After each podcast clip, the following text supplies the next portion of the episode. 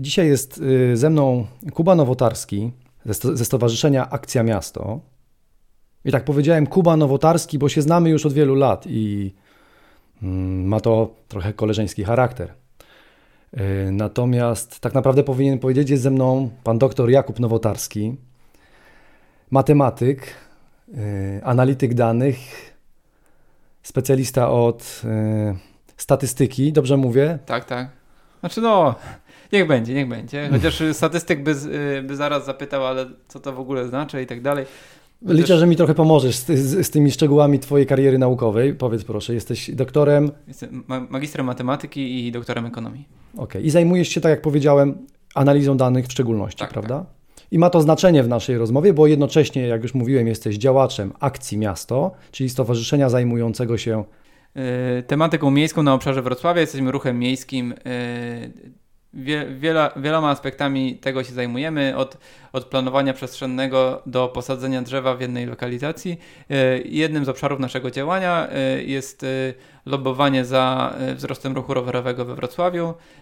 To, ma, to głównie jest infrastruktura, ale też właśnie bezpieczeństwo. Zajmowaliśmy się też bezpieczeństwem ruchu drogowego ogólniej, nawet na poziomie ogólnopolskim. Mhm. Czyli y, tak społecznie jesteś specjalistą od spraw związanych innymi z bezpieczeństwem, a zawodowo i z wykształcenia specjalistą od analizowania danych i wyciągania, wyciągania z nich wniosków, a to w całej tej naszej rozmowie y, będzie miało zapewne duże znaczenie, bo będziemy mówić o bezpieczeństwie ruchu drogowego, tego, o którym tak dużo się ostatnio mówi, czyli o bezpieczeństwie rowerzystów na drogach poza obszarem mm, zabudowanym, a tutaj bez spojrzenia matematycznego, statystycznego, mm, z nakierowaniem na analizę danych i wyciąganie z niej wniosków, y, dyskusja może się sprowadzić tylko niestety do pokrzykiwania w słusznej sprawie, czasami na siebie wzajemnie, ale Y, tak jak widzę, to raczej bez, najczęściej bezproduktywnego.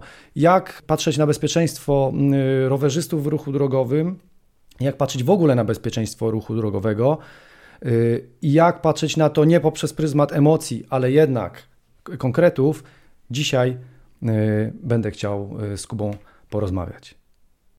Dzisiaj zaprosiłem Kubę, żeby, żebyśmy porozmawiali o czymś, o czym do tej pory nie mieliśmy okazji gadać, czyli o bezpieczeństwie w tych sytuacjach rowerowo-samochodowych, w ruchu drogowym, ale poza terenem zabudowanym.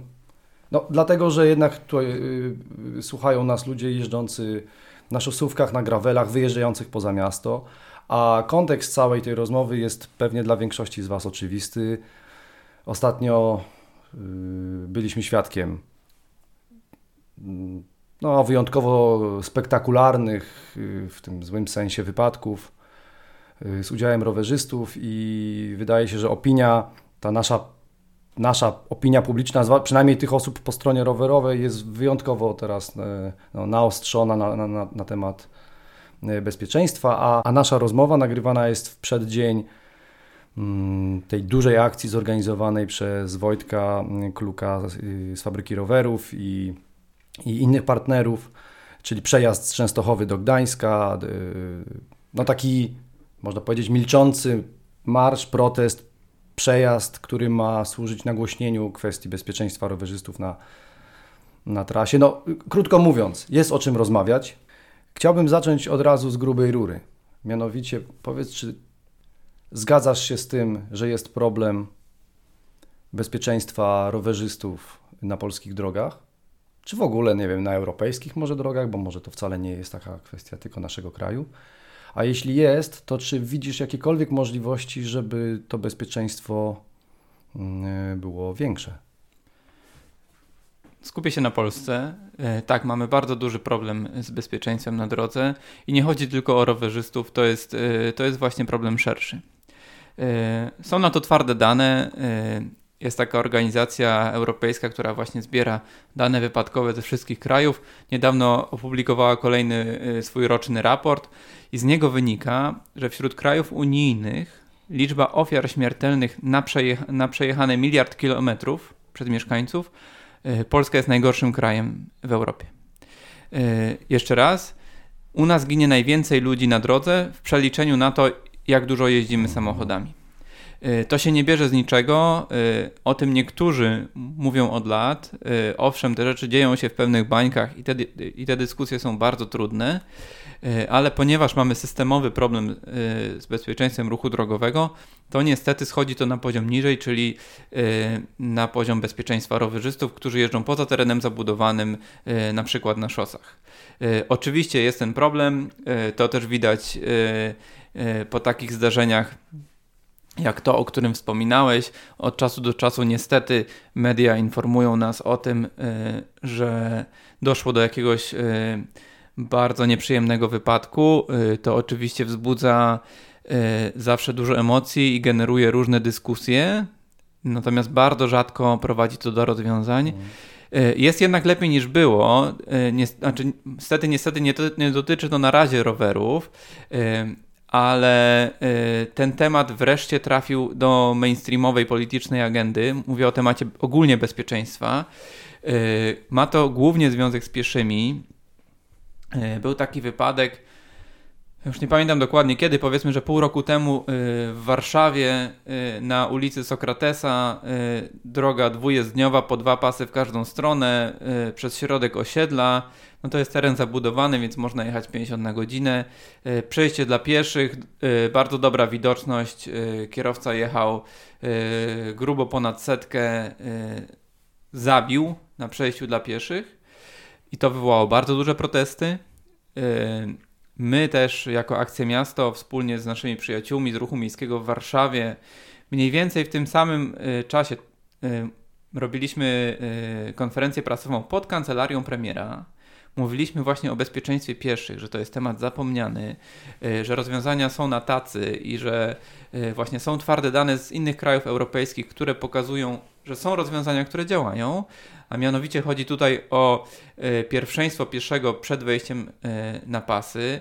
To jest logika, z której korzystają kraje na zachodzie. Tam słabszego chroni się najbardziej, no bo po prostu mm, Logika jest taka, że życie ludzkie stawia się na pierwszym miejscu, e, jest, e, jest dookoła tego, są dookoła tego nie tylko ramy etyczne, ale też e, ramy, jak takie, jak, jak takie rozwiązania wdrażać.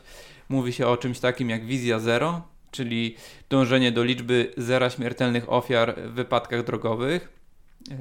To hasło rozpoczęła Szwecja, bardzo wiele krajów to to podchwyciło. W Polsce też się o tym mówi. Y, w niektórych dokumentach strategicznych nawet to istnieje, ale nikt tego y, systemowo nie wdraża. Regularnie przez ekspertów od bezpieczeństwa ruchu drogowego polskie władze, ministerstwa czy instytucje zajmujące się tym, tym tematem są krytykowane za, za brak działań lub, lub, pozorowane, lub pozorowane działania, więc zupełnie niestety, zupełnie mnie nie dziwi to, że zdarzają się y, takie totalnie hardkorowe y, potrącenia, niezależnie od przyczyn, bo to może się zdarzyć tak, że, że trochę y, przyczyny się wydają losowe i że, to, i że ktoś może powiedzieć, że to jest bardzo nieszczęśliwy wypadek, ale jest szereg czynników, który na to wpływa. Na przykład to, że właśnie mm, bardzo wiele kierowców po prostu przekracza prędkość. To jest bardzo duży czynnik ryzyka i e, jak jest ograniczenie do 50, jechać 70 e, da się i to pozornie się wydaje bezpieczne, natomiast jak się, jak się sięgnie do, e, do fizyki, policzy się jaka jest droga hamowania, jakie jest prawdopodobieństwo śmierci potrąconego pieszego lub rowerzysty przy zderzeniu z prędkością 30, 50 a 70 na godzinę, no to okazuje się, że przy potrąceniu przy 30 na godzinę e, prawdopodobieństwo śmierci jest bardzo małe, rzędu 10%, a przy 70 już jest bardzo duże, powiedzmy 90%. E, więc to są takie rzeczy, które potem e, są częściowo przyczynami tych wypadków. Policja prowadzi statystyki na ten temat. Przy, przy, przy ciężko rannych, przy ofiarach śmiertelnych te sprawy zazwyczaj trafiają też do sądu i wtedy jest prowadzona trochę, trochę bardziej kompleksowa analiza, ale często po prostu nie sposób do wszystkich szczegółów dotrzeć.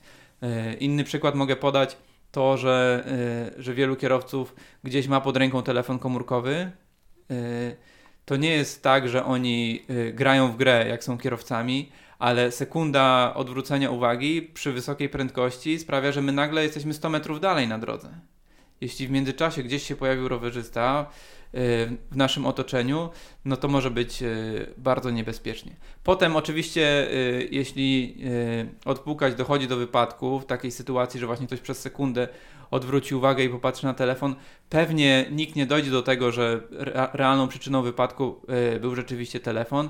Potem policja to zaklasyfikuje jako powiedzmy nieprawidłowe wyprzedzanie, taki kierowca zostanie ukarany mandatem, może ta sprawa trafi do sądu i jakoś się to rozejdzie po kościach. I tak jak mówiłem, niestety póki co nie prowadzi to do takiej yy, politycznej refleksji, że musimy coś zmienić, mhm. jesteśmy najgorszym krajem w Europie, rozwiązania są na tacy, bo inne kraje je wdrożyły i tam jest po prostu bezpieczniej. Więc dlaczego nie u nas? Od lat ten temat leży. Wszystko wskazuje na to, że politycy się go boją. No ale. No ale powiedz, co ty myślisz, bo to jest druga część mojego pytania.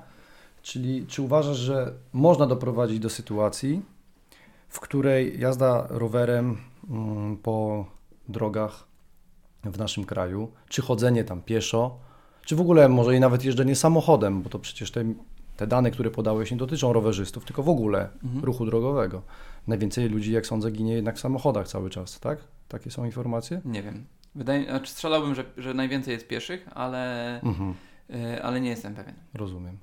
W każdym razie yy, to, że jest niebezpiecznie, to już mhm. ustaliliśmy, ale czy jest, czy jest możliwe, żeby, żeby to zmienić? Mhm.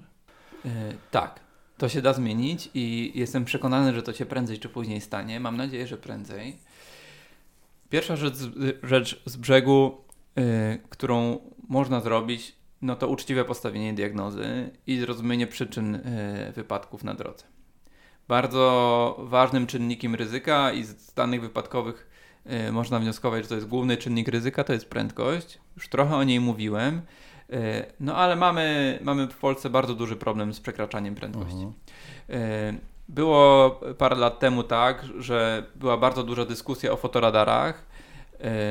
Wtedy straże gminne utraciły możliwość właśnie kontrolowania prędkości to oczywiście, to oczywiście sprawia, że ogólnie kontroli jest mniej. Fotoradary też są ustawione na przykład z tolerancją 20 km na godzinę, co oznacza, że właśnie jeśli jest ograniczenie do 90, stoi fotoradar, to jeśli pojadę 109, to mandatu nie dostanę. Y, no ale tak ogólnie fotoradarów jest bardzo mało. Y, o, o tym się mówi w, w bardzo małej bańce, bo też jest kilku dziennikarzy w Polsce, którzy regularnie o bezpieczeństwie ruchu drogowego mówią yy, i właśnie z tego wynika, że, że fotoradarów jest mało. No ale teraz tej dyskusji, o, którą, o, której wspomniałem i przy tym zabraniu strażom gminnym fotoradarów, yy, był taki argument, że tu nie chodzi o bezpieczeństwo, tu chodzi o, o nabijanie kasy. Potem to wszystko było kontrolowane. Najwyższa Izba Kontroli sprawdziła, porównała bezpieczeństwo e, przed i po. W tych miejscach, gdzie kiedyś był fotoradar, teraz nie ma. Okazało się, że, że po zdjęciu fotoradarów jest, e, jest mniej bezpiecznie. Mamy też przykłady z innych krajów, gdzie, e, gdzie znaczne zwiększenie liczby fotoradarów i nie chodzi tutaj o na przykład o 10 na województwo, bo to realnie nic nie zmienia, tylko mhm. po prostu rząd wielkości więcej, że to skokowo eliminuje czy ogranicza liczbę y, ofiar śmiertelnych na drodze. Y, więc to jest przykład rozwiązania, które wiadomo, że działa. To jest, to jest niepopularne i to w pewnym sensie musiałoby być poprzedzone jakąś taką skuteczną komunikacją społeczną albo kampanią społeczną, żeby, żeby przypomnieć społeczeństwu o co w tym wszystkim chodzi. Że pośpiech na drodze nie zawsze ma sens, bo wcale nie będzie tak, że będziemy na miejscu dwa razy szybciej i nawet jeśli ktoś jeździ 20 lat samochodem bardzo dużo i jeszcze nie miał e, żadnego mandatu ani punktu karnego, to nie znaczy, że, e, że zawsze tak będzie i że e, ryzykując nic się nie przytrafi. Więc. Mogę ci wejść w słowo? Jasne. Dlatego, że powiedziałeś już bardzo dużo szczegółowych rzeczy i bardzo chciałbym do nich wrócić jeszcze. Mhm. Ale bardzo planowałem zadać Ci pytanie, na wskroś ogólne, ale wydaje mi się ono istotne. Zanim przejdziemy do tego, jak rozwiązywać te okay. problemy.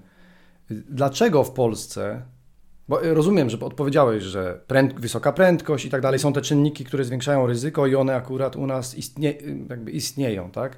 Ale dlaczego w Polsce jest tak bardzo niebezpiecznie? Bo rozmawialiśmy już o tym wcześniej, poza, poza anteną, mhm. czy poza mikrofonem, poza nagraniem. I ja y, upierałem się trochę przy takiej mojej, przy moim takiej myśli, że to jest u nas bardzo uwarunkowane kulturowo i że wszelkie zmiany dotyczące bezpieczeństwa wymagałyby w związku z tym zmian na tym poziomie, mhm. co wydaje się tak trudne, a przynajmniej mające tak długą perspektywę czasową, że aż ręce opadają. Y, a ty trochę wtedy to uprościłeś to moje myślenie. Y, co, co ty o tym sądzisz, powiedz? Można to nazwać, y, że to są czynniki kulturowe, tylko też trzeba się umówić, co my mamy tak naprawdę na myśli. No ja miałem na myśli pewien etos macho za kierownicą, nie? czyli ten wujek, okay. który opowiada, że przejechał z Warszawy do, tak, tak. do, do Gdańska w ileś tam i że i wszyscy tylko wznoszą toast za to. Nie?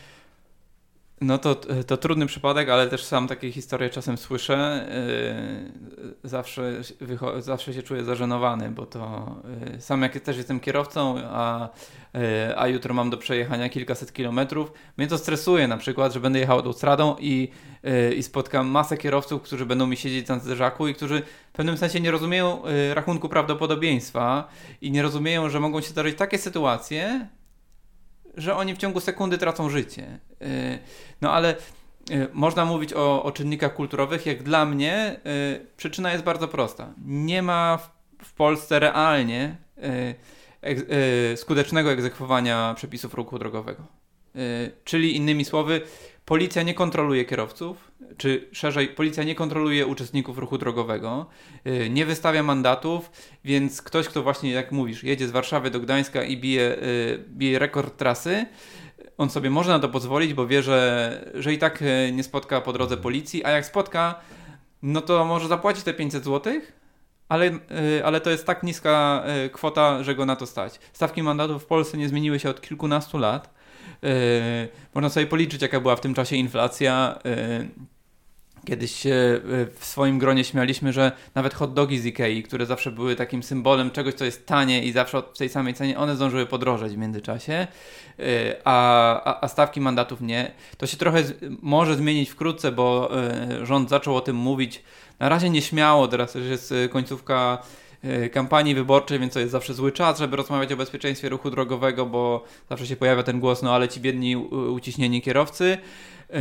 No ale wracając, gdyby policja realnie kontrolowała, y, gdyby te stawki mandatów były wyższe, y, gdyby było tak y, jak w innych krajach, że za przekroczenie ponad 50 na godzinę można trafić nawet do więzienia, takie rzeczy się dzieją w Szwajcarii i tam logika jest taka, że jeśli ktoś nie rozumie, że przy, że przy 50 na godzinę trzeba jechać 50 na godzinę i jedzie na przykład 110, to to oznacza, że, on, że ta osoba świadomie korzysta z samochodu jako potencjalnego narzędzia zbrodni. Hmm. Taka, to już jest to już jest jazda po bandzie, ale to jest logika w innych krajach, krajach, które chronią życie i to sobie, y, to sobie stawiają y, mhm. na pierwszym miejscu. Ale to brzmi strasznie tak prosto, to, bo wynika z tego, co powiedziałeś, to, bo ja chciałem pofilozofować, dlaczego jesteśmy tacy groźni dla siebie na drogach, a ty mówisz, że wystarczy bardziej kontrolować. To mi się to nie podoba, bo nigdy nie byłem zwolennikiem takiego stawiania sprawy, że zwalniam, ponieważ nakazuje mi to przepis i boję się kary, tylko mhm. zawsze sobie wyobrażałem, że, że, że będzie dobrze wtedy, kiedy będę zwalniał, dlatego że mam poczucie, że należy zwolnić, bo właśnie jest skrzyżowanie, tak? Rozumiesz, o co mi Rozumiem, chodzi. o co ci Więc chodzi. Ale ja jest to jed... musiałem edukować, żeby, że to będzie dopiero... Jest to jeden ważny szczegół w tym wszystkim. Yy, cały problem polega na tym, yy, właśnie w takim spojrzeniu, że jako kierowcy za kierownicą zupełnie inaczej oceniamy bezpieczeństwo na drodze. My czujemy się bezpiecznie jadąc y, y, z dużą prędkością, y, bo myślimy wtedy o sobie, siedzimy w uzbrojonej klatce, mamy, mamy poczucie, że mamy kontrolę ale mogą się przydarzyć niespodziewane sytuacje. Może nagle za zakrętem gdzieś się pojawić rowerzysta. Mi się wydaje, że, że mam kontrolę nad tym, co robię, ale przy na przykład właśnie 90 km na godzinę na liczniku wydaje mi się, że stosunkowo łatwo jest stracić panowanie nad samochodem. Nie mówię, że, że to się przytrafia zawsze każdemu, ale właśnie w takiej sytuacji, że na przykład nagle na, przede mną pojawia się zwierzę, to są sytuacje, których nie testujemy tak naprawdę. Nie ma ich na egzaminie na prawo jazdy. Co się stanie, jak, jak wyskakuje jeleń przy 90 na godzinę? Y, jest to kompletnie nieprzewidywalne i właśnie może się, y, y, może się kończyć bardzo źle. Wracam do tej głównej myśli, bo trochę się mhm. zapętliłem. Przez to, że, y, że mamy, że oceniamy Y, bezpieczeństwo z własnej perspektywy i do, dostosowujemy y, naszą prędkość do tego, jak sami się czujemy, no to sprawia, że gdyby nie było ograniczeń prędkości, to wszyscy byśmy jeździli szybciej, bo to by nam się wydawało y, bezpieczniejsze. Ograniczenia prędkości nie są po to, żeby coś komuś utrudniać, tylko właśnie po to, że w pewnym sensie zarządca drogi ma świadomość tego, że czasem jest lepiej zasugerować kierowcom, że powinni bardziej uważać, zachować większą, ostrożność, bo na przykład rok wcześniej, dwa lata wcześniej zdarzył się w danym miejscu wypadek. To swoją drogą też wydaje mi się, że jest nieodrobiona lekcja przez różne nasze rządy bo przy okazji tych fotoradarów dla straży gminnych tam były wyciągane przykłady takie, że Y, Straż Miejska w krzakach, że gdzieś był nagle no tak. niepotrzebny znak 30 na godzinę, ale tak naprawdę pamiętajmy, to już jest, y, to już jest wysoki poziom zaawansowania, ale y, my jako obywatele mamy tak naprawdę możliwości prawne, żeby wchodzić w interakcję z zarządami dróg czy z policją i pisać wnioski i powiedzieć, że na przykład dla, y, tutaj powinno być moim zdaniem wyższe ograniczenie prędkości albo niższe ograniczenie prędkości, więc wnioskuję, żeby zmienić, to się fachowo mówi, zmienić organizację ruchu. Y, można y, tak samo dzwonić na policję albo pisać do nich pisma i mówić, że na danym odcinku ja jako rowerzysta czuję się niebezpiecznie, proszę o kontrolę, niech one dotyczą prędkości oraz tego, z jaką odległością jestem wyprzedzany. Mhm. No to z tego, co, y, co powiedzieliśmy do tej pory, wynika bardzo prosty wniosek. Polska jest na ostatnim miejscu w Europie, jeśli chodzi o bezpieczeństwo na drogach.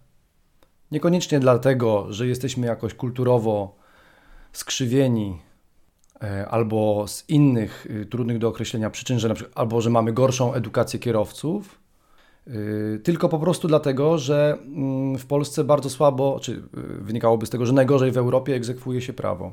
Znaczy najgorzej w Europie tego już, no tego, to już rozumiem, znaczy, trudno zmierzyć, ale to takie... jeszcze jeden taki bardzo wymowny y, argument y, za tym, co ja mówię, to jest zachowanie polskich kierowców za granicą. No właśnie. Y, w krajach, gdzie wiadomo, że stawki mandatów są bardzo wysokie, wspomniałem Szwajcarię, ale nawet niech to będą Niemcy, które aż tak się nie wyróżniają. W Norwegii są też bardzo wysokie tam y, raczej polscy kierowcy y, sobie radzą, y, wiedzą, że mają jechać przepisowo, bo właśnie mają poczucie, że, że gdzieś może przyjść mandat, a jak on przyjdzie, to nie będzie 500 zł, tylko to będzie dużo, dużo więcej.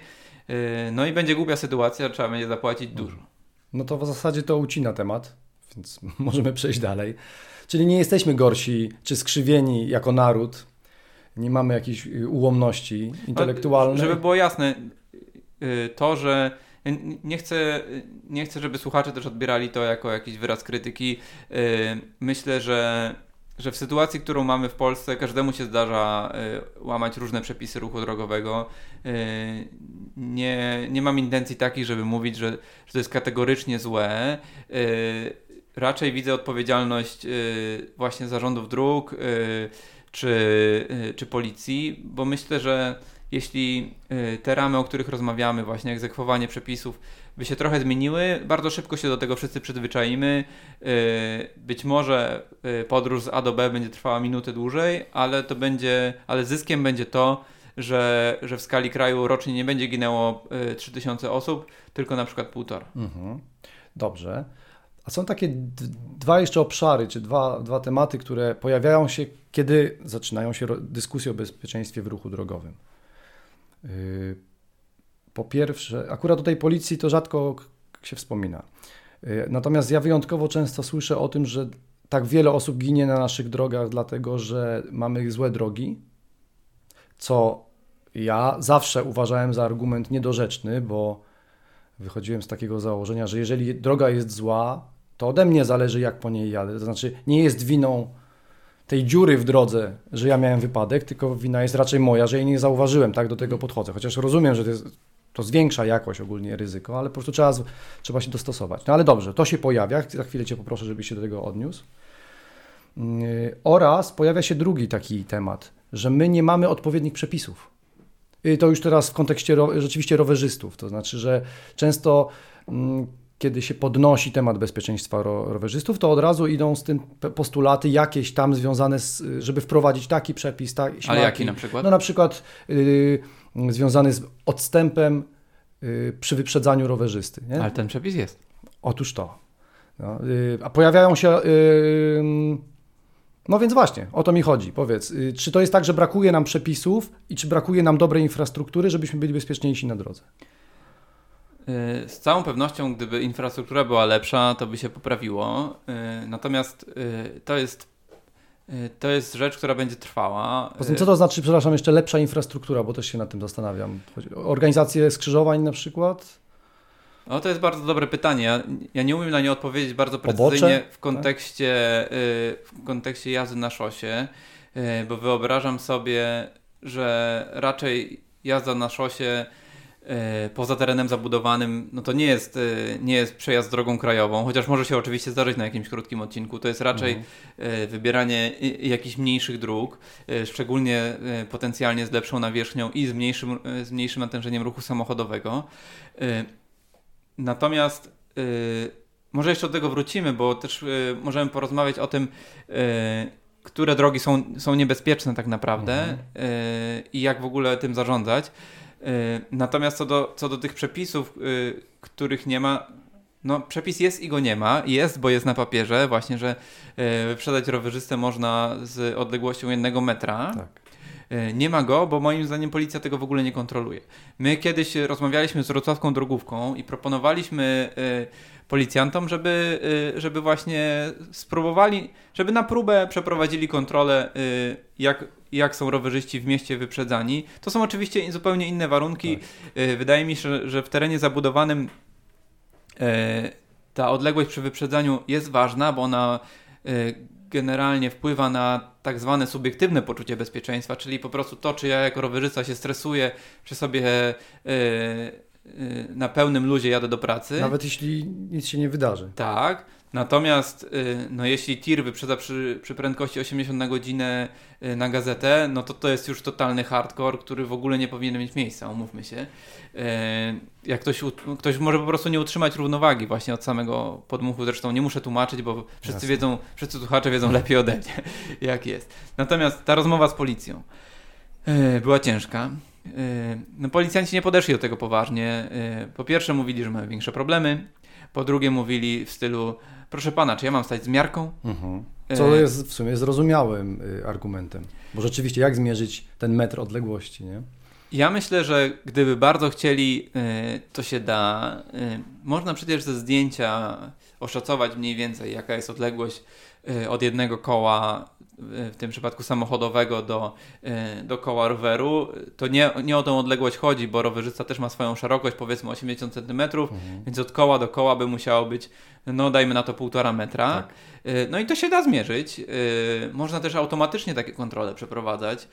Tak jak są fotoradary, tak sobie wyobrażam, że, że tam, gdzie jest duży ruch rowerowy, poza, poza miastem, mogłyby stać kamery, które po prostu rejestrują zdjęcia i, i mierzą z jaką, y, z jaką odległością y, szosowcy byli, y, byli wyprzedzani.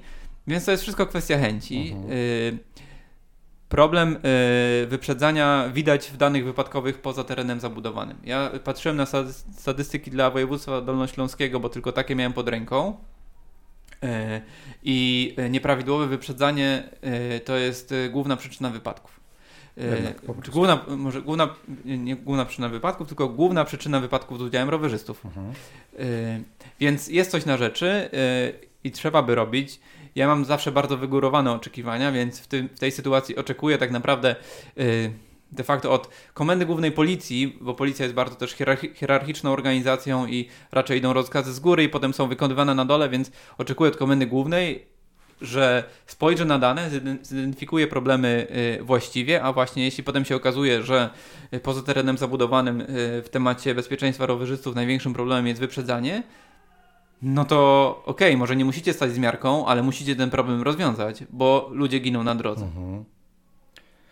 A myślisz, że policja, no powiedzmy, że miałaby chęć, to czy w ogóle policja ma teraz takie możliwości? Znaczy, wiem, że to trudno pewnie o tym rozmawiać, ale czy to w ogóle jest realne, żeby policja się jeszcze y, rzeczywiście tak aktywnie zajęła bez, naszym bezpieczeństwem, jeżeli ciągle chyba też są jakieś braki w innych y, dziedzinach związanych, y, bo nie chciałem rozmawiać o policji, ja okay. nie czuję się wiesz, upoważniony do krytykowania takiej instytucji bez no nie zajmuję się tym, ale jednak zeszliśmy na ten temat. Tak? Czy oni mają w ogóle środki, ludzi, przygotowanie, żeby, żeby to zrobić? Wydaje mi się, że na dzisiaj nie, bo też wiemy, że są braki kadrowe w, w różnych komendach policji.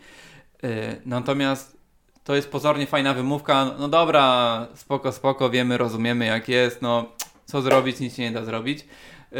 No tylko to jest to pytanie właśnie o te ramy etyczne, czy o filozofię. Jeśli godzimy się na to, że ludzie giną na drodze, jeśli ustalimy sobie, że na przykład tysiąc osób w Polsce może rocznie ginąć na drodze, okej, okay. Mo można takie założenie mhm. przyjąć, hipotetycznie zupełnie, no to wtedy można mówić, no dobra, no policja y, ma swoje ograniczenia, ma tyle możliwości, no to żeby nie zginęło więcej niż tysiąc, no to zróbmy tak i tak.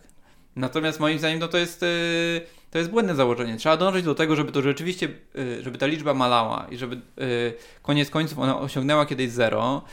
Może to jest bardzo odległy horyzont czasowy, ale wydaje mi się, że ważne jest, żeby mieć to w ogóle z tyłu głowy. Tak. I przy takich założeniach się odwraca, odwraca problem, bo nie myślimy o tym, że ok, policja ma ograniczenia, więc może zrobić mało albo nic, tylko myślimy raczej o problemie. Problem jest bardzo duży, więc musimy wzmocnić policję yy, po to, yy, żeby, yy, żeby ten problem zmniejszać. Zachęcam też bardzo wszystkich do tego, żeby przy tych wszystkich ograniczeniach, które policja ma, wchodzić z nimi w interakcję. To może, być, to może być telefon, to może być wniosek na piśmie. Jest też coś takiego jak krajowa mapa zagrożeń. Tam sobie można pineskę na mapie przypiąć i, i ją oznaczyć właśnie na przykład, y, że, niebezpie- że jakieś niebezpieczne zachowania kierowców. Y, my wiemy ze swoich działań, że, y, że we Wrocławiu policja na to regularnie patrzy. Czyli to jest strona w internecie, tak? Tak, tak, tak. możesz Można jedną pineskę mhm. na jednym urządzeniu, na jednym urządzeniu mobilnym można jedną pineskę dziennie przypiąć. Y, więc jak ktoś jeździ dużo, to może z tego korzystać w zasadzie mhm. codziennie, bo pewnie problematycznych miejsc ma bardzo dużo. My wiemy y, z Wrocławia, że y, to nie jest tak, że policja te problemy bardzo szybko rozwiązuje, bo tak jak mówiłem, ma ograniczone możliwości, ale patrzy na to i jeśli, jeśli tych zgłoszeń jest dużo, to rzeczywiście w danych miejscach prowadzi kontrolę. A jeszcze o tych przepisach, bo ustaliliśmy, że na przykład skądinąd zrozumiały postulat tego półtora metra. No przecież trudno z tym dyskutować. Ja sam w ogóle, no ja wyprzedzam rowerzystę i pewnie wielu kierowców wyprzedza rowerzystów, no po prostu zjeżdżając na drugi pas, więc to jest więcej niż półtora metra i nie widzę w tym żadnego problemu. Ale zrozumiałe jest, żeby o tym krzyczeć, półtora metra, czyli więcej niż jest teraz w przepisie, bo teraz jest metr. Chociaż wydaje się, że to jest symboliczna sprawa, skoro i tak ludzie, to chodzi o to, żeby w ogóle ludzie przestrzegali, jakby myśleli o tym, żeby zachować odległość. No, to, to, już ustaliliśmy, że te postulaty są zrozumiałe, ale prawo tak naprawdę jest, więc bardziej chodzi o egzekwowanie. Czy w kodeksie drogowym, czy tak się mówić, prawo, prawo, prawo ustawa ruchu. prawo o ruchu drogowym, tak. czy w tej ustawie y, według Ciebie są jeszcze jednak jakieś braki, miejsca, które należałoby prawnie uzupełnić, żeby bezpieczeństwo rowerzystów na, na drogach było wyższe? Wydaje mi się, że, że to, co mamy teraz, y, nawet jeśli delikatnie odbiega od ideału, y, to jest wystarczająco dobre, żeby, żeby mogło być lepiej. Y, to nie jest jedyny dokument, który tak naprawdę definiuje bezpieczeństwo na drodze, bo potem są na przykład przepisy, które szczegółowo opisują znaki drogowe, przepisy, które mówią, jak ma być budowana infrastruktura, więc myślę, że jakieś rzeczy do poprawy by się znalazły, y, ale nie wydaje mi się, że to, y, że to ramy prawne, które mamy teraz, y, są mhm. pierwszą rzeczą do zmiany. Gdzie indziej sam widzę największy problem, którym należy się zająć w pierwszej kolejności. Jeśli te rzeczy, o których już dotychczas rozmawialiśmy, by nie zadziałały, wtedy można siąść do stołu nad przepisami i stwierdzić, ok, dobra, czegoś nam rzeczywiście brakuje. Pytam o to między innymi dlatego, że no właśnie jutro jest ta akcja, y, silnie nagłośniona medialnie i bardzo dobrze, że, że udało się tak to zrobić. Tylko przy okazji tych akcji pojawia się temat, to o co, co, co postulujemy, o czym będziemy krzyczeć, bo to, że taka potrzeba krzyczenia o tym, że coś jest nie tak, bo my jako rowerzyści czujemy się zagrożeni, jest dla mnie bezdyskusyjna. Mhm. Tylko kiedy już mamy ten głos, y, no to dla mnie jest pytanie, co mówić. Jeżeli nie mówić o tym, że brakuje nam prawa, bo prawo jest, jeśli nie mówić o tym, że yy, problemy są z infrastrukturą, bo no bo tak jak ja, ja rozumiem, no, znaczy to one, to jest akurat po prostu oczywiste dla wszystkich, tak? Tak mi się wydaje, że jakby krzyczeć o tym, że jest zła infrastruktura, jeśli ona miałaby być przyczyną wypadków, nie miałoby większego sensu, bo infrastruktura generalnie jest w Polsce poprawiana w jakimś tam zakresie i to chyba jest w miarę zaplanowane. No to co tu krzyczeć, bo pojawiają jeszcze się. Yy, znaczy, ty już powiedziałeś, co krzyczeć, tak? No, zwiększyć po prostu jakość yy, egzekwowania obowiązujących przepisów i z danych, którym, które tu przytaczasz, wynika, że yy, to, to poprawi nasze bezpieczeństwo radykalnie. No to dobra, to jest fajny postulat. To, wzmocnijmy policję, wzmocnijmy yy, myślenie o egzekwowaniu przepisów, ale czy Yy, czy są jeszcze jakieś inne obszary, które, którymi należałoby się zająć? Bo ja sądź, sądź, sądzę, że takim obszarem jest edukacja yy, związana z poruszaniem się w ruchu drogowym, bo mam często wrażenie, że ludzie w naszym kraju nie znają się na jeżdżeniu po drogach. Nie tylko rowerami, piesi też, ogólnie. Mówię o poruszaniu się w ruchu. Co ty o tym sądzisz? Czy, czy jest możliwe poprawienie edukacji i czy to mogłoby wpłynąć na, na nasze bezpieczeństwo? Tak, zdecydowanie Zdecydowanie jest e, to możliwe. E, jest, e, jest dużo do zmiany. Mm, myślę, że to bezpośrednio nie dotyczy mm, bezpieczeństwa jazdy po szosie, ale pośrednio jak najbardziej. I o tym różne organizacje rowerowe mówią od lat.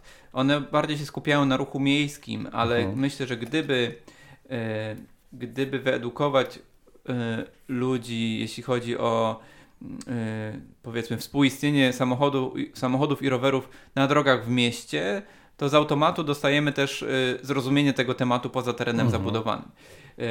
Więc znowu, znowu się odwołam do bardzo mocnego przykładu i górnolotnego trochę, bo daleko nam do takiego świata, no ale w Holandii y, dzieci w szkole podstawowej mają obowiązkowe zajęcia y, z jazdy na rowerze. To jest po to, żeby one bezpiecznie docierały do szkoły. No ale popatrzmy, jakie to ma konsekwencje. Te dzieciaki jeżdżą do szkoły na rowerach, więc ich rodzice, nawet jak są kierowcami, doskonale o tym wiedzą, mają to z tyłu głowy, więc y, to też wpływa na ich zachowania na drodze. Oni przestają być tacy brawurowi, no bo hipotetycznie mogą własne dziecko na drodze tak. spotkać. Y, no już zatrzymam się, nie, nie będę szedł dalej, bo to już w takie totalnie hardkorowe tematy można wejść.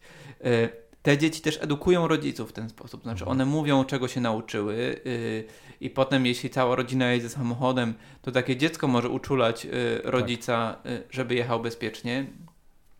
Ale to też chodzi o taką szerszą świadomość, że, że jak, jak ja jestem kierowcą, to muszę mieć po prostu świadomość tego, że mogą się nagle na drodze pojawić rowerzyści.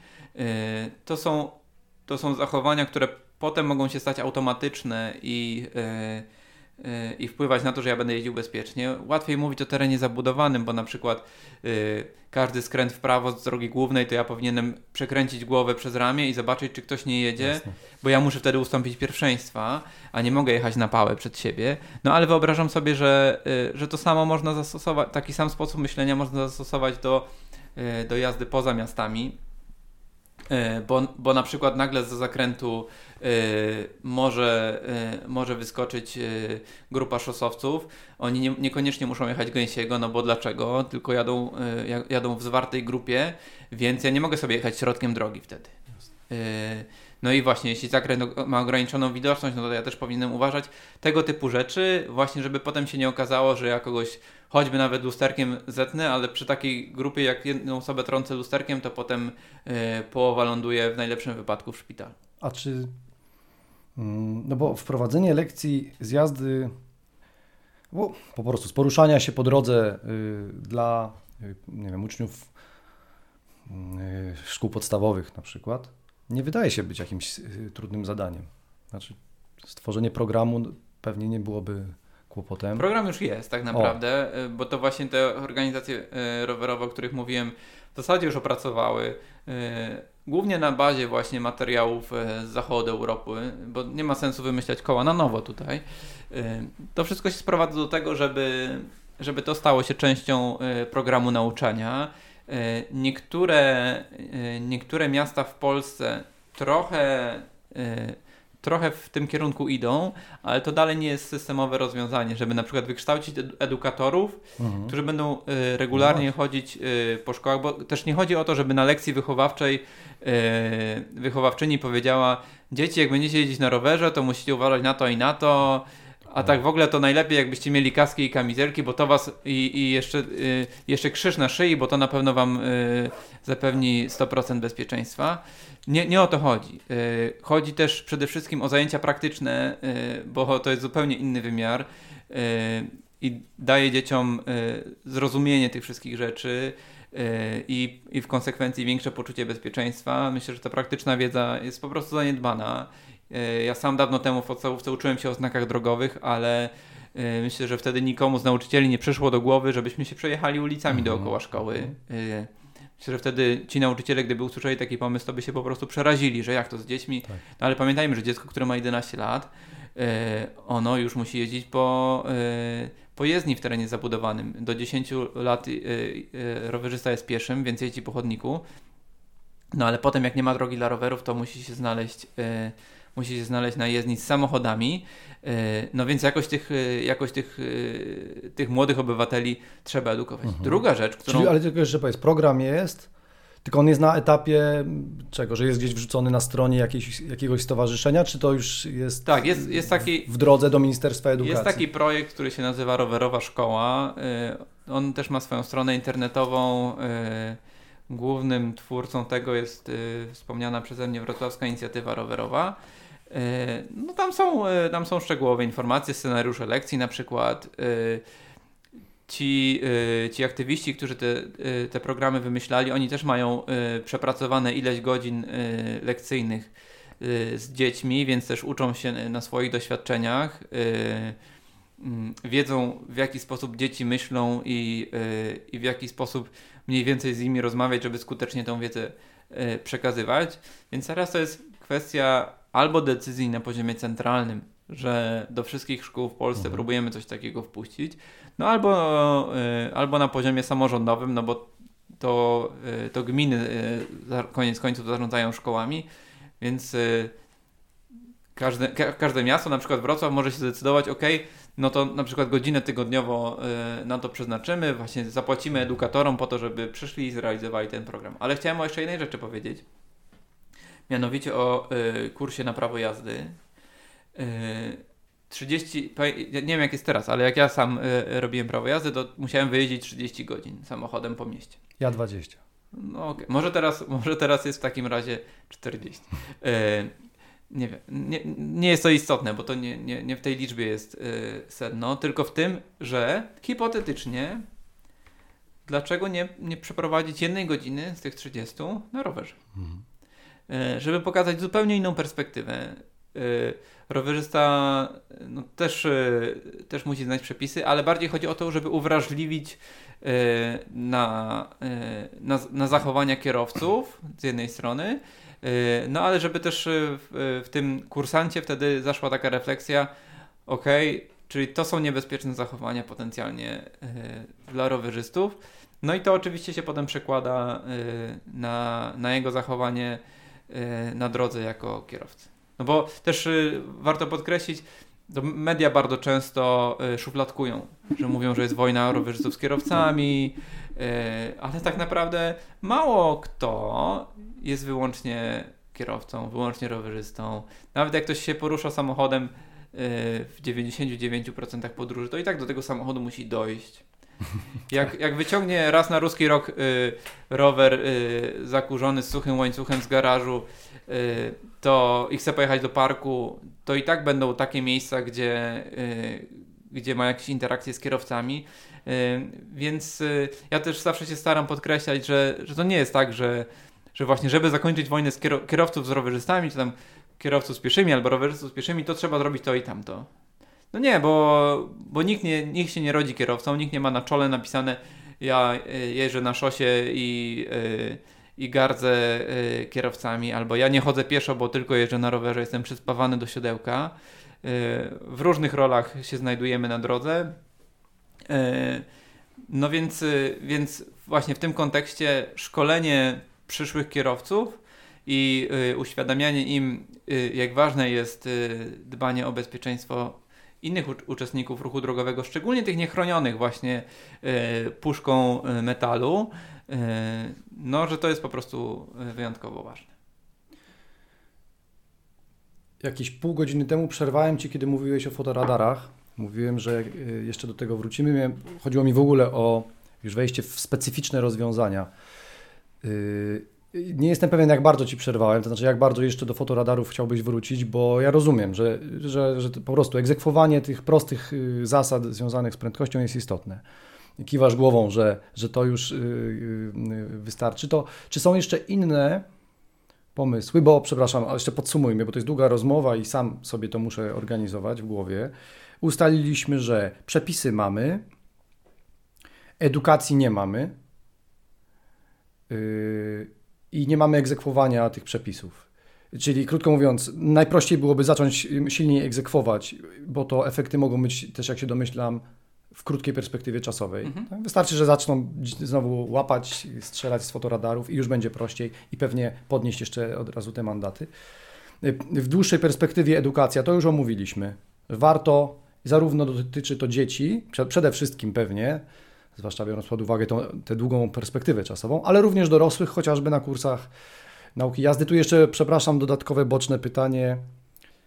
Czy spotkałeś się z takim pomysłem, czy już nawet realizacjami takiego y, no, edukacji dla już kierowców, czy dla już aktywnych uczestników ruchu? Czy ludzie w ogóle mają taką możliwość i czy, czy z tego korzystają? Bo są, wiesz, kursy doszkalania jazdy, czyli jak jeździć po ślizgu. To tak, to nawet jest emocjonujące i fajne ale czy spotkałeś się mm, z chęcią uczenia się jeszcze raz jazdy w ruchu, takiej, takiej lepszej jazdy niż na kursie?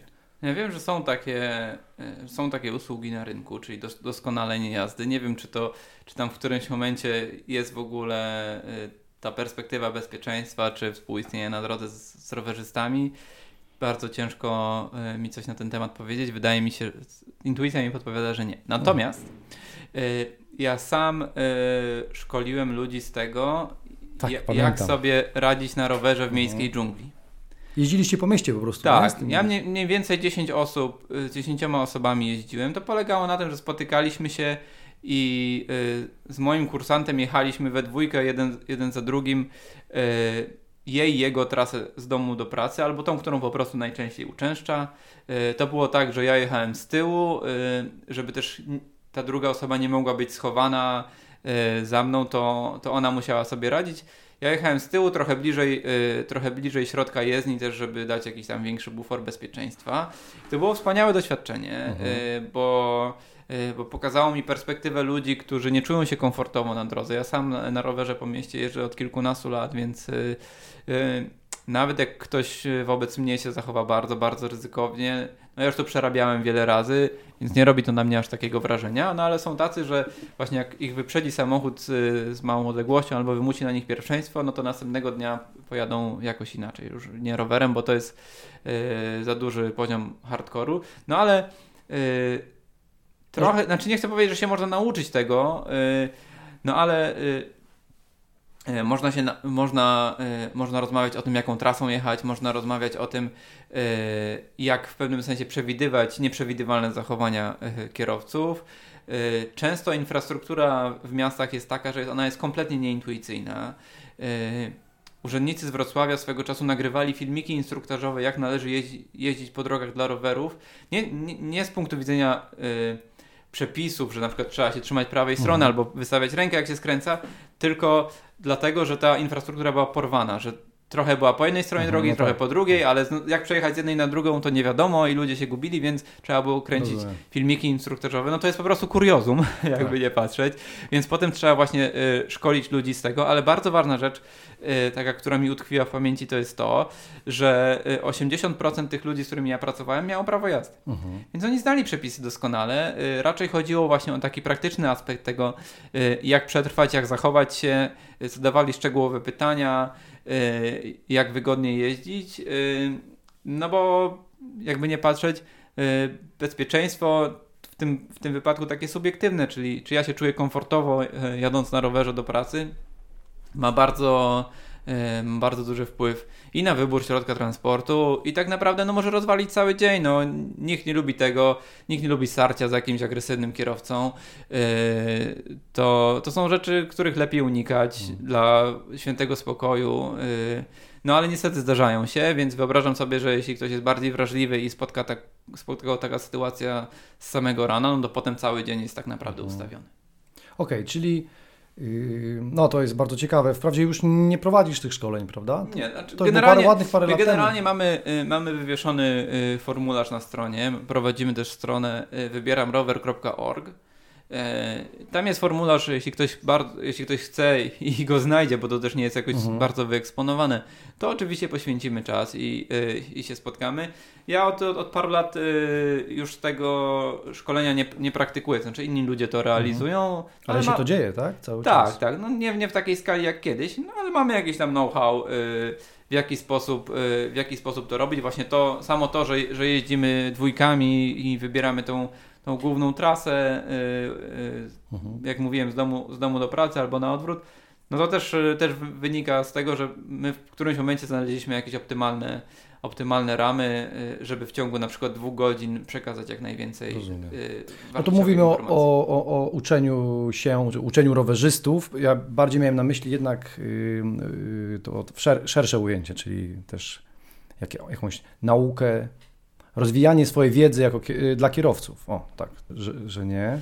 No ale powiem, powiem jeszcze, bo teraz mi przyszło do głowy, że, że nawet gdyby coś miało być Mhm. ukierunkowanego na rowerzystów, no to wydaje mi się, że to są trochę oczywistości. No właśnie, uważać, tak, że, że, jak, że jak jadę poza terenem zabudowanym i widzę z daleka 200 metrów przede mną jest y, grupa szosowców, y, no to od razu noga z gazu y, i ostrożnie, z dużym odstępem y, i tak dalej. Może to jest dla mnie oczywiste, no bo ja też byłem y, w tych sytuacjach y, na rowerze, też mi się zdarzało poza, poza miastem jeździć, y, więc, y, więc jestem uwrażliwiony jako kierowca.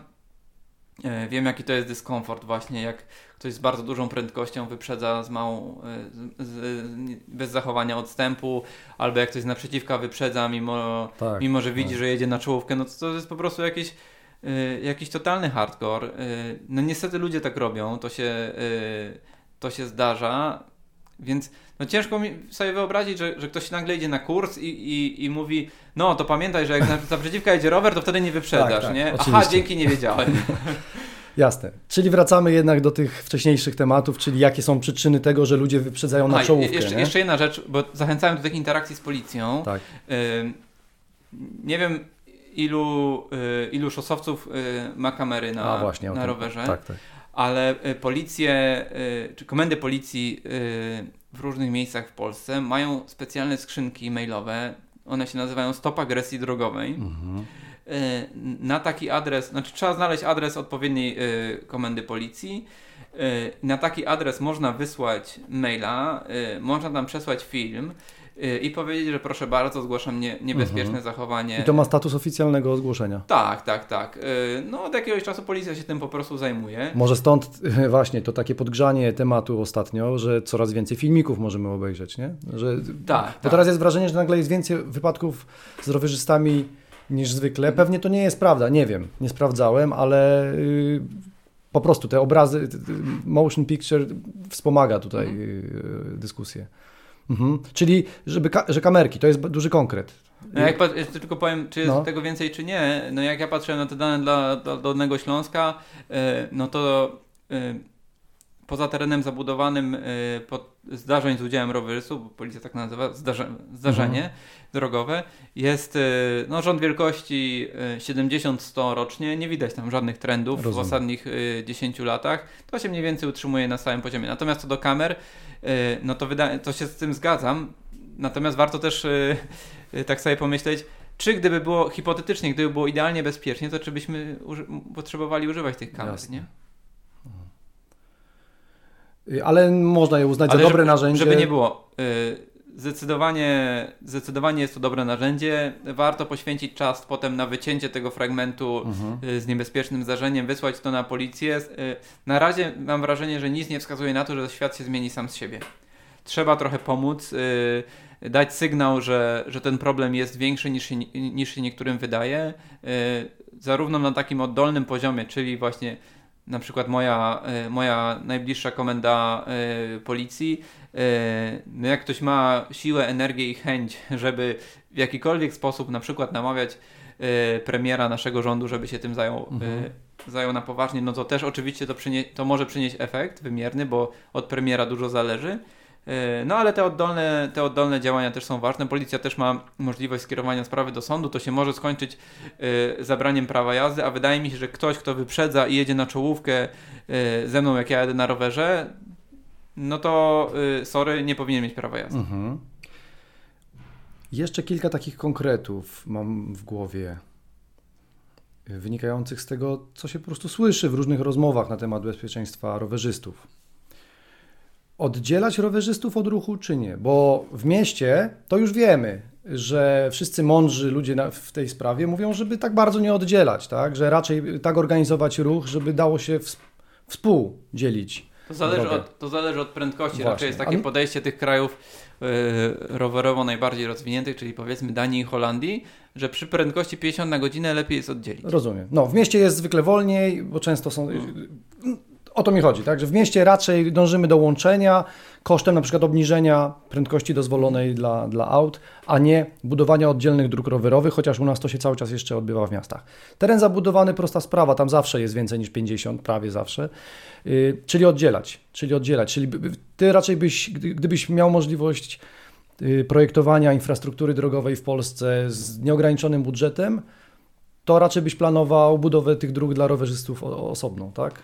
E, no to, to zależy, bo też są różni rowerzyści. To nie mhm. jest e, no spójna grupa i nie wszyscy jeżdżą tak samo, bo, bo nawet e, między dwoma wioskami w jedną stronę może jechać pani z koszyczkiem z zakupami, bo akurat mieszka w jednej wiosce, a sklep ma w drugiej, a w drugą, w drugą stronę jedzie grupa szosowców.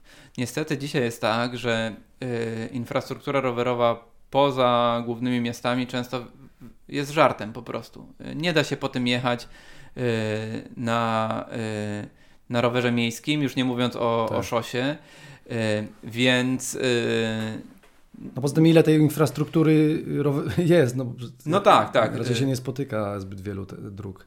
Tak, tak, jak najbardziej, więc, więc ona czasem szkodzi, no bo przepis mówi, że, że rowerzysta, który ma obok drogę dla rowerów, to musi po niej jechać. Mhm no ale y, jeśli na niej są na przykład de facto progi zwalniające, bo każdy wyjazd y, z posesji y, to jest obniżenie, to jest obniżenie mm, poziomu drogi dla rowerów o jakieś 10 cm, mhm. to de facto próg zwalniający, no to potem się nie da jechać. To powinno być dostosowane do, do prędkości 30 na godzinę. Nic nie stoi na przeszkodzie, żeby w ten sposób to projektować, a potem budować. Wtedy, wtedy byłoby, byłoby pewnie inaczej. Wyobrażam sobie też świat, w którym powstają drogi dla rowerów oderwane od układu drogowego istniejącego. Mhm. I takie drogi mogłyby być budowane w standardzie na przykład nawet więcej niż 3 metry szerokości, po to, żeby również na szosie się tamtędy dało pojechać. Chyba nic nie stoi na przeszkodzie. Przyznam szczerze, że nie wiem, jak to jest, jak to jest jakie podejście do tego mają na przykład amatorzy i profesjonaliści y, w Holandii. mhm. mówię o kolarzach szosowych, y, jak oni na to patrzą. Tam infrastruktura jest w zasadzie wszędzie. Czy oni wolą jechać po jezdni, czy oni wolą jechać po tych drogach dla rowerów w bardzo dobrym standardzie y, wykonania. No pewnie mm, warto by było sięgnąć do tej wiedzy najpierw i do ich doświadczeń, żeby, żeby stwierdzić, jakie jest optymalne rozwiązanie tutaj. No ale... Jeździłem z szosowcami w Holandii parę razy. To, to, je, to wydaje się, że jedyne co można powiedzieć takiego ogólnego, to jeśli tylko mogą, to jednak jeżdżą wzdłuż tych kanałów. Tam jest mnóstwo mhm. kanałów, więc jest mnóstwo dróg, które wiodą po wałach, które są najczęściej wyasfaltowane. Krótko mówiąc, wynika z tego, że jednak wybierają odseparowane drogi, to, bo, to nie, bo są, są to drogi wyłączone z ruchu samochodowego. Okej, okay. no tak, tylko tam to ma, y, to ma bardzo dobrą jakość i da się Da się trenować. Ale też jest przerąbane, właśnie nie wiem, czy tak bardzo się da trenować, bo tam są inni ludzie. Okay. I dla mnie to, to było dużo, ja miałem poczucie mniejszego bezpieczeństwa Aha. niż na drodze. Nie? Bo jedziesz i nagle tam jest, nie wiem, facet z wózkiem idzie i z psem i ma absolutne prawo sobie tam iść i to nawet chyba całą szerokością nie widzę, w zasadzie nie ma ograniczenia przynajmniej prawnego. Więc y, jechanie grupą 45 na godzinę, a jak zawieje tam z tyłu, to można jechać i 60, to y, jest bardzo niebezpieczne, więc dla mnie to nie jest akurat jakiś ideał, ale mówię, to zaobserwowałem.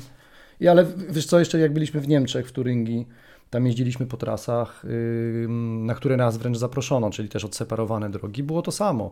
Nie można się było rozkręcić. Dopiero jak w, na jakiejś tam pętli w drodze powrotnej wjechaliśmy na normalną drogę, chyba nawet pisałem o tym ze dwa lata temu, no to wreszcie człowiek odżywa. Wiesz, no jedzie, jednak y, jak jesteś szosowcem i jedziesz w grupie i, i, i to są ludzie, którzy szybko potrafią jeździć, to taka droga rowerowa ma straszne ograniczenia właśnie z tych powodów, które wymieniłem. No właśnie, ja, ja też e, mam, znaczy mało się na tym znam i mało też praktykuję, e, zdarza mi się, ale mało, e, więc, więc tylko na poziomie intuicji mogę, mhm. mogę powiedzieć, ciężko mi się odwołać do jakiejś wiedzy.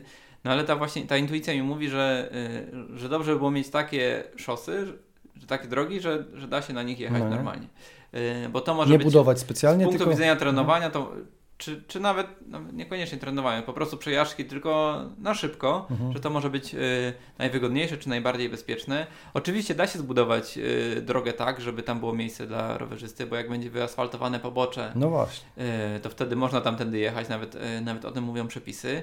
No ale nie zawsze się to da, y, bo szczególnie te, y, te mniejsze drogi, które już istnieją, no tam często są na przykład po obu stronach drzewa, czy, czy jakaś zabudowa, więc nie da się tego pobocza dołożyć. No i jedyne, co, co nam wtedy zostaje tak naprawdę, no to jest właśnie to, żeby pozostali uczestnicy, uczestnicy ruchu drogowego przestrzegali przepisów.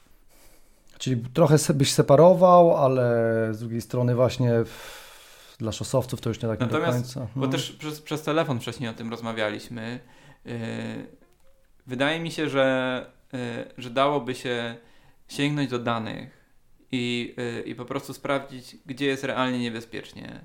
Yy, bo przez to, że, że teraz bardzo dużo ludzi jeździ z włączonymi apkami i yy, mhm. trakuje swoje trasy, y, mamy dane tak naprawdę y, dotyczące tego, gdzie jest, gdzie jest, duży, ruchu. Gdzie jest mhm. duży ruch y, rowerowy, rowerowy poza, poza terenem zabudowanym. Można to zestawić z tym, gdzie dochodzi do zdarzeń drogowych, można hipotetycznie, nie wiem kto miałby to zainicjować, czy to powinno być środowisko e, rowerzystów, czy to powinno e, wychodzić od instytucji publicznych, ale można zmapować mniej więcej jakość infrastruktury i na podstawie tych trzech rzeczy skupić się mhm.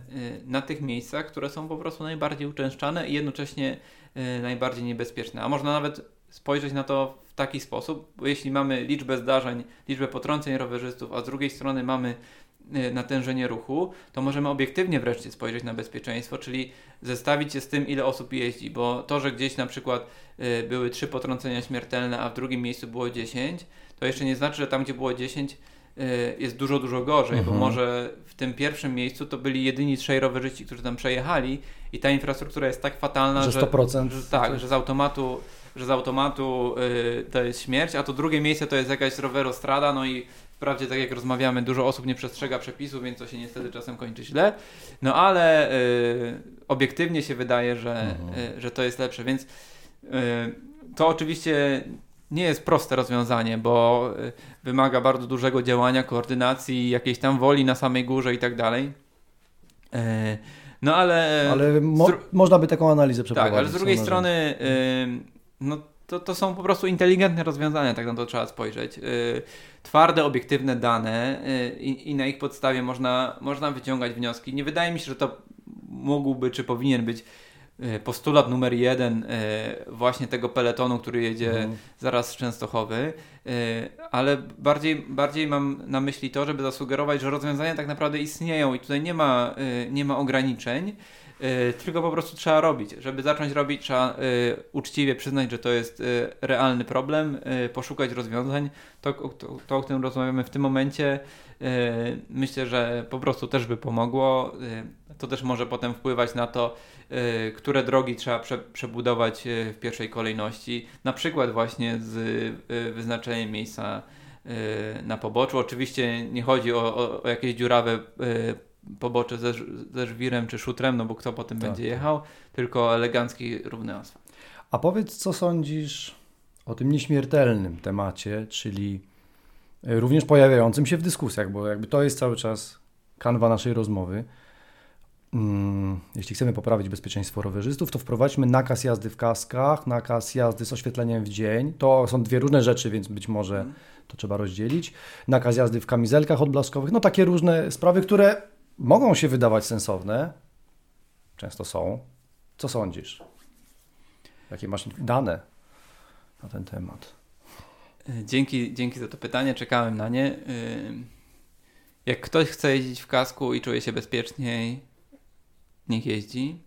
E, jak, e, jak dla, szczególnie jak dla kogoś kask jest tak naprawdę głównym czynnikiem, że w ogóle wsiadam na rower, bo też może być tak, że ok, ja nie, wsiad nie wsiadam na rower mhm. bez kasku, no to jak najbardziej tak.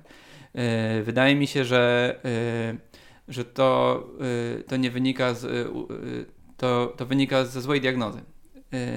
Znowu, trzeba po prostu spojrzeć na twarde dane, mhm. tam, tam zobaczyć, jakie są problemy, jakie są przyczyny nie wydaje mi się, żeby z nich wynikało, że brak małej lampki coś zmienia. Do większości zdarzeń z udziałem rowerzystów w Polsce dochodzi w dzień przy dobrej widoczności, więc to nie widoczność jest problemem. Kask, nawet gdyby mieć jakiś naprawdę pancerny przy uderzeniu samochodu, który jedzie 90 na godzinę, to chyba nie kask jest największym problemem, bo no jasne, trzeba chronić głowę i tak dalej, ale no, trzeba by mieć kask na całe ciało tak mhm. naprawdę, żeby tak. nie wiem, w folii bąbelkowej jechać. Trzeba by się 100 razy owinąć, chyba go wtedy już nie da jechać. E, więc może to komuś pomagać. Jasne, szczególnie, szczególnie przy, przy sportowej jeździe Y, zdarzają, zdarzają się też takie sytuacje, że to się po prostu na rowerze przewróci sam z siebie. Tak. No to wiadomo, że wtedy kask ratuje. Y, Bo co do tego to w ogóle nie ma wątpliwości. Że tak. Myślę, że wszyscy po prostu jeździmy w kaskach, to ci, którzy tutaj tak. słuchają. Można też mówić tak, czy że... nakazywać. Wiesz, od... Jasne, zaraz do tego tak, dojdę. Tak. Można też mówić tak, że, że dziecko, które ma dwa latka i, yy, i pociska Y, na rowerku biegowym, y, że, że może lepiej mu dać kask, bo, bo to jest tak nieprzewidywalne y, stworzenie, że, że się wywala w zasadzie przy każdej mhm. wycieczce, a też ma, ma wrażliwą głowę. No ale wymyślanie nakazów, szczególnie w kontekście tego, że, że to miałoby poprawić bezpieczeństwo, to jest wydaje mi się trochę takie pozorowanie działań, bo to też daje takie poczucie, że okej, okay, zajęliśmy się tematem, teraz zrobiliśmy te obowiązkowe kaski, to już będzie dobrze.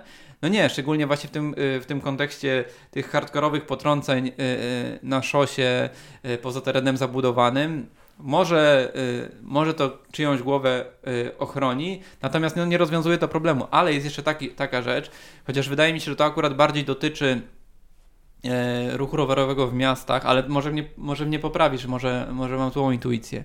E, bo ten temat też się pojawia właśnie w temacie, w temacie rowerów w mieście, że no jakby jeździli w kamizelkach i, i w kaskach to byłoby bezpieczniej, ale problem tutaj fundamentalny jest taki, że to jest coś, co zniechęca mhm. ludzi do tego, żeby wsiąść na rower. Bo ja w kasku nie chcę, bo ja w kamizelce nie chcę, nie mam, e, e, albo po prostu no, nie chcę tego ubierać.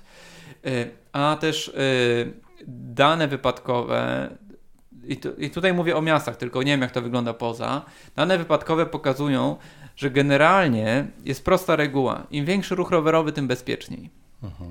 Y, więc bardzo ważne jest to, żeby po prostu zachęcać do jazdy na rowerze. Bo to też da wszystkim innym uczestnikom ruchu drogowego y, jasno do zrozumienia, że rowerzystów jest dużo, czy to są miejscy e, rowerzyści właśnie z koszyczkiem, czy to są szosowcy, im nas będzie więcej, tym damy większą świadomość, że, że trzeba y, cały czas zachowywać ostrożność, cały czas jechać w skupieniu, y, bo w każdym momencie y, może się na drodze gdzieś pojawić osoba na rowerze, no i wiadomo, nie chcę, nie chcę jej zrobić krzywdy,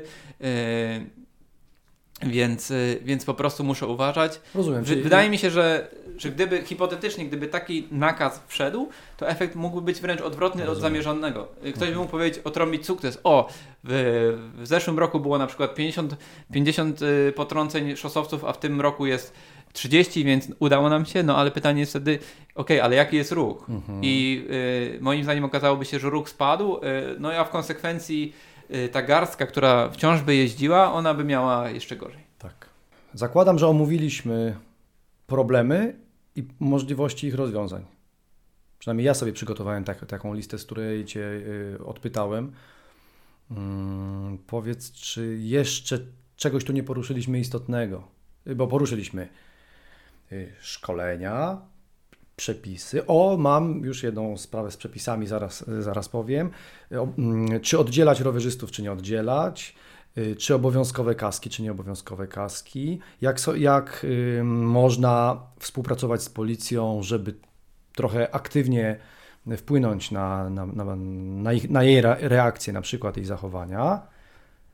To y, mówiliśmy o tym, że przede wszystkim głównym problemem według Ciebie jest po prostu nie, nie egzekwowanie istniejących już przepisów, y, czyli sprawa w zasadzie banalna, no i o edukacji to już chyba wspomniałem, tak? W szkołach i nie tylko w szkołach, na kursach. To teraz jeszcze mówię, co mi się przypomniało z przepisami. Taki znak, uwaga rowerzyści, no mogłem się przygotować, przepraszam, bo nie zrobiłem researchu. Czy jest taki znak teraz w kanonie znaków yy, tych pol polskich, czy nie? Czyli uwaga... Trójkąt, rowerzysta, ta, ta, żółty trójkąt i tak żółty, tak dalej. Tak. Bo z, jest, jest, jest, jest, jest no właśnie. Bo też słyszę o y, takie postulaty, żeby wprowadzić taki taki znak, bo ja wiem z czego to wynika. Jak się trenuje w Hiszpanii, to tam właśnie rzeczywiście jest znak mhm. i to nawet rowerzystów, to jakby od razu często jest, że grupa, że widać, że, te, że tu trenują sportowcy. I tak sobie wtedy człowiek myśli, o kurczę, jaki fajny znak, rzeczywiście u nas się tak tego nie podkreśla, że tu mogą mhm. w tym rejonie jeździć rowerzyści, bo chyba faktycznie u nas tak się tego nie podkreśla. Ale Y, stąd te postulaty, żeby w Polsce też się to pojawiło, natomiast w, yy, mamy to, tak? Czyli w zasadzie postulować można by tylko częstsze ich stawianie w tych miejscach, gdzie jest to uzasadnione, czyli to, co ty mówiłeś, najpierw zbadać, gdzie są te miejsca, tak? Yy, tak, natomiast yy, no to, to, to, już się przewijało, ale może przewijało przed naszą rozmowę, mm. ale może jeszcze raz podkreślę i powiem tym razem wprost, że, to, że bezpieczeństwo na drodze się dzieli na, na, na, dwa rodzaje. Jedno to jest to obiektywne, które właśnie wynika z twardych danych, że takie było natężenie ruchu, a tyle było potrąceń rowerzystów, więc z, z, z tego równania nam wychodzi, jaki jest poziom bezpieczeństwa. A drugie bezpieczeństwo to jest to, co jak, to jak ja się czuję na drodze, czyli to subiektywne.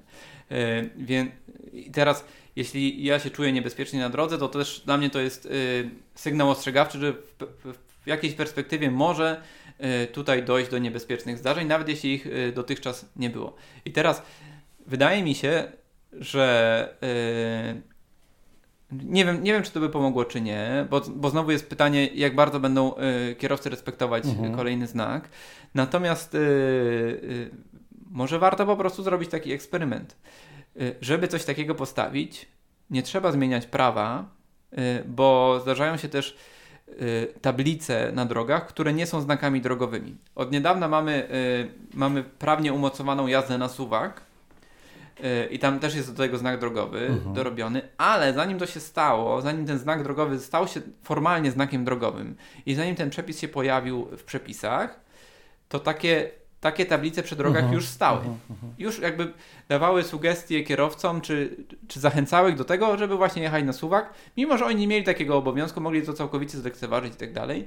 Więc wyobrażam sobie, że właśnie taki znak, jak mówisz, ten z Hiszpanii, w którymś miejscu stanie na próbę, żeby zobaczyć, co z tego wynika. Być może okazałoby się, że, że to realnie poprawia.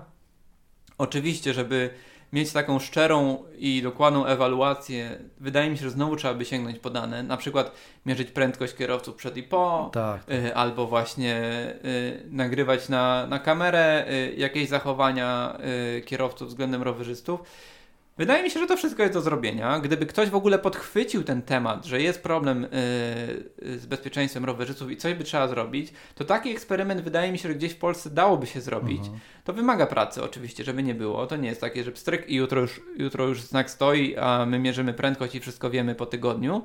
Yy, bo też te decyzje wydaje mi się, że w tym, w tym naszym systemie administracyjnym raczej szybko nie zapadają.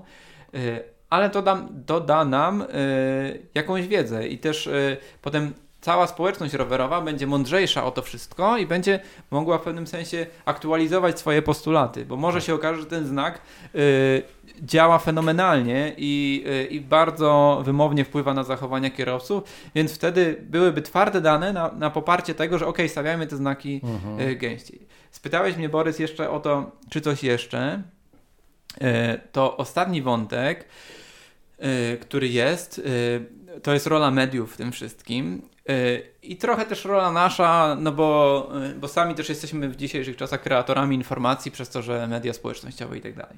Więc media wydaje mi się, że, że, że jeszcze nie informują dobrze, wystarczająco dobrze o tych wszystkich rzeczach. Tak, takie skrajne historie, no to jest na przykład Y, informacja y, w jakimś internetowym portalu, śmiertelne potrącenie rowerzysty, y, nie, samochód śmiertelnie potrącił rowerzystę, korki, policja jest na miejscu, proponuje objazdy, podróż może trwać 10 minut dłużej. Więc taki przekaz skupia się, znaczy po pierwsze mówi, że to samochód, czyli bez, bezosobowo rowerzysta został śmiertelnie potrącony przez przez martwy obiekt, a z drugiej strony 90% informacji dotyczy tego, y, że, y, że są utrudnienia w ruchu. Mhm. Bardzo ciekawy przykład w tym, y, w tym szerszym kontekście, o którym rozmawiamy, zadział się kilka lat temu w Nowym Jorku. Tam publiczne radio nowojorskie zrobiło cykl reportaży o ofiarach śmiertelnych wypadków drogowych. Mhm. Y, pokazywali ich jako ludzi, opowiadali czym się zajmowali, jak żyli, y, jak się lubili bawić z dziećmi i opowiadali o tych wypadkach. Y, to są rzeczy, które bardzo łapią za serce. To jest granie na emocjach, więc komuś się to może nie podobać do końca, ale z drugiej strony cel i sens tego jest moim zdaniem jasny. To wszystko służy temu, żeby na drodze kiedyś było bezpieczniej. Jeśli zaczniemy o wypadkach y, mówić innym językiem, y, myśleć o tym zupełnie inaczej, to też y, pośrednio i w może trochę dłuższej perspektywie będzie miało, y, będzie miało wpływ na nasze zachowania. Y, więc w tej sytuacji, którą mamy teraz, nie zawsze możemy liczyć na to, że media będą dobrze opowiadały te historie y, ale my sami możemy, możemy komentować, tłumaczyć jak jest, zwracać uwagę na to, że perspektywa y, rowerzysty jest taka i taka i że nie wystarczy wszystkich właśnie ubrać w kamizelki odblaskowe i w kaski, żeby było bezpiecznie, bo problem jest zupełnie gdzie indziej. Y, taką naj, naj, największą dyskusję, jaką my mieliśmy jako stowarzyszenie y, właśnie w tym kontekście, to było śmiertelne potrącenie kobiety z dzieckiem na foteliku. Ona jechała wzdłuż głównej drogi we Wrocławiu. W prawo skręcał E, autokar, który mhm. musiał ustąpić pierwszeństwa, tego pierwszeństwa nie ustąpił. Yy, rowerzystka się wturlała pod, yy, pod ten autokar i, no, i on po niej przejechał, ona zmarła na miejscu, to dziecko trafiło w ciężkim stanie do szpitala.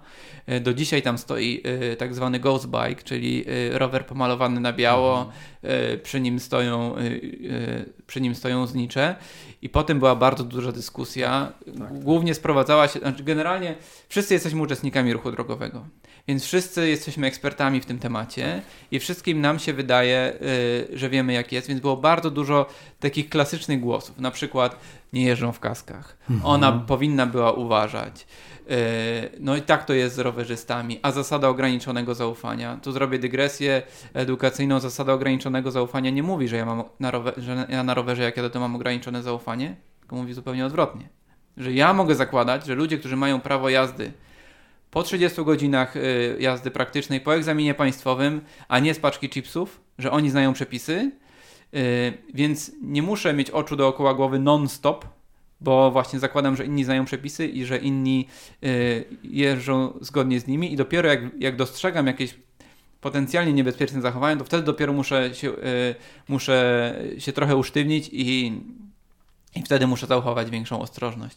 Ludzie tego nie rozumieją i mówią, że właśnie rowerzysta na przykład jak dojeżdża do przejazdu rowerowego, y, to, y, to musi zwolnić, a najlepiej w ogóle jakby się zatrzymał, nie wiem, zsiadł z roweru i przeprowadził. I przeprosił. Pe tak, tak. Y, pewnie, znaczy to, to, są, to są sytuacje miejskie, ale wyobrażam sobie, że, że te pozamiejskie też można by podobnie opowiadać. My wtedy tłumaczyliśmy, że prawo mówi jednoznacznie, nie ma najmniejszych wątpliwości, że cała odpowiedzialność za to zdarzenie e, jest na, e, jest na kierowcy tego, tego autokaru, że ta rowerzystka jechała zgodnie z przepisami, że tam jest świetna widoczność i że w zasadzie ona nie mogła nic zrobić. No ale na to się, się pojawiają głosy, właśnie takie jak mówiłem, albo pojawiają się historie typu, że ktoś miał słuchawkę w uchu, no i wtedy, że nic nie słyszy, no ale umówmy się, pewnie wielu słuchaczy słuchawkami jeździ, nie ma problemu z tym, żeby usłyszeć samochód, który, y, który się zbliża od tyłu. To tak jest sam... bardzo drażliwy temat, dobrze, że go Tak, ale tak samo jak ja jestem kierowcą i mam włączone radio, Oczywiście no to jest przecież dokładnie to samo, nie? Używam e, tego samego argumentu. Jedyna różnica jest taka, mm. że jak ja słucham radia w samochodzie, wydaje mi się, że wtedy mam, mam wtedy gorzej słyszę wszystko, co jest dookoła mm. mnie, ale ta różnica fundamentalna, która jest, ja jestem chroniony właśnie przez ten metal dookoła mm. mnie. Więc okej, okay, wszystko spoko, to sobie mogę słuchać radia, jak nie usłyszę czegoś tam, no to, no, no to trudno, nie? Tak. Ktoś mi wiedzie w bok, e, poduszka się otworzy i może nic mi się nie stanie, no ale jak na rowerze ktoś we mnie wiedzie w bok, to już będzie dużo gorzej. No to nie wiem, chyba omówiliśmy to bezpieczeństwo na drodze. Tak mi się wydaje. Bardzo Ci dziękuję. To była długa rozmowa, pełna y, informacji, pełna y, też znaków zapytania, w sensie, że być może to by pomogło, ale trzeba by to zbadać. Słowo dane, badania, potrzeba ewaluacji pojawiało się tutaj y, bardzo często, co dla mnie jest zrozumiałe samo przez się oraz również z tego powodu, że wiem, że zawodowo zajmujesz się analizą danych i e, jesteś, jesteś matematykiem i specjalistą od tych, e, w tej dziedzinie, co zresztą bardzo dużo wnosi, myślę, do, do Twojego postrzegania tych spraw. E, więc mam nadzieję, że nie przytłoczyliśmy mm, słuchaczy tym tematem, tylko że w jakimś sensie naświetliliśmy jakąś perspektywę która znikąd się nie wzięła, bo Twoje doświadczenie jest już naprawdę długie w tej, w tej kwestii i wiem, że to śledzisz bardzo. Dlatego bardzo dziękuję, że, że poświęciłeś ten cały czas na, na rozmowę. No jutro jest ten przejazd, yy, o którym wspomnieliśmy, yy, taka znamienna rzecz. W tle są te dziewczyny bardzo mocno poszkodowane, ale w tle są też wszystkie inne ofiary wypadków drogowych ale też przed nami są kolejne dni życia i kolejne dni jazdy i mm, no, zostawię Was może z taką trochę dojmującą i nawet smutną refleksją, ale każdemu z nas może się dzisiaj nawet coś przytrafić, albo jutro, albo naszym bliskim, więc temat jest naprawdę bardzo ważny. Aha, wybory są za dwa dni prezydenckie. To też taka, taka okazja, żeby mówić o ważnych sprawach, a nie zauważyłem, żeby się ten temat pojawił podczas kampanii. Więc temat nie jest postrzegany jako ważny, chociaż jest, ale no, myślę, że tak jest w ogóle w życiu, nie? że często myślimy o pewnych rzeczach jako ważnych, a one nie są ważne, a rzeczy, które są ważne, postrzegamy jako nieważne. To tak. Ostatni, ostatnią tak. myśl tylko wtrącę, że dlatego zachęcałem do, y, do brania udziału w dyskusjach w sieci i tłumaczenia właśnie tej perspektywy rowerzystów, bo na co dzień, mimo że to jest realny problem i tak jak mówiliśmy, y, mamy naj, naj, najbardziej niebezpieczne drogi w Europie, to na co dzień się o tym nie mówi. Mhm. I momentami, kiedy ta dyskusja się pojawia, y, no to są właśnie hardkorowe wypadki. Tak. E, czy ten, który ja podawałem e, we Wrocławiu, czy właśnie te dwie dziewczyny, e, które jechały na trening, zostały ścięte, czy ten wypadek, potrącenie pieszego w Warszawie na ulicy Sokratesa, to są wszystko rzeczy, którymi się zainteresowały wszystkie media, więc one nagle na parę dni te, same te wypadki, ale też ogólnie temat bezpieczeństwa e, ruchu drogowego czy bezpieczeństwa rowerzystów e, trafił do mainstreamu e, i to, jest, to są jedyne takie wąskie okienka, kiedy, kiedy jest przestrzeń do tego, żeby tłumaczyć tak. pewne rzeczy, że one są bardziej skomplikowane niż się ludziom wydaje. No nic, bardzo dziękuję jeszcze raz. Dzięki. Trzymaj się.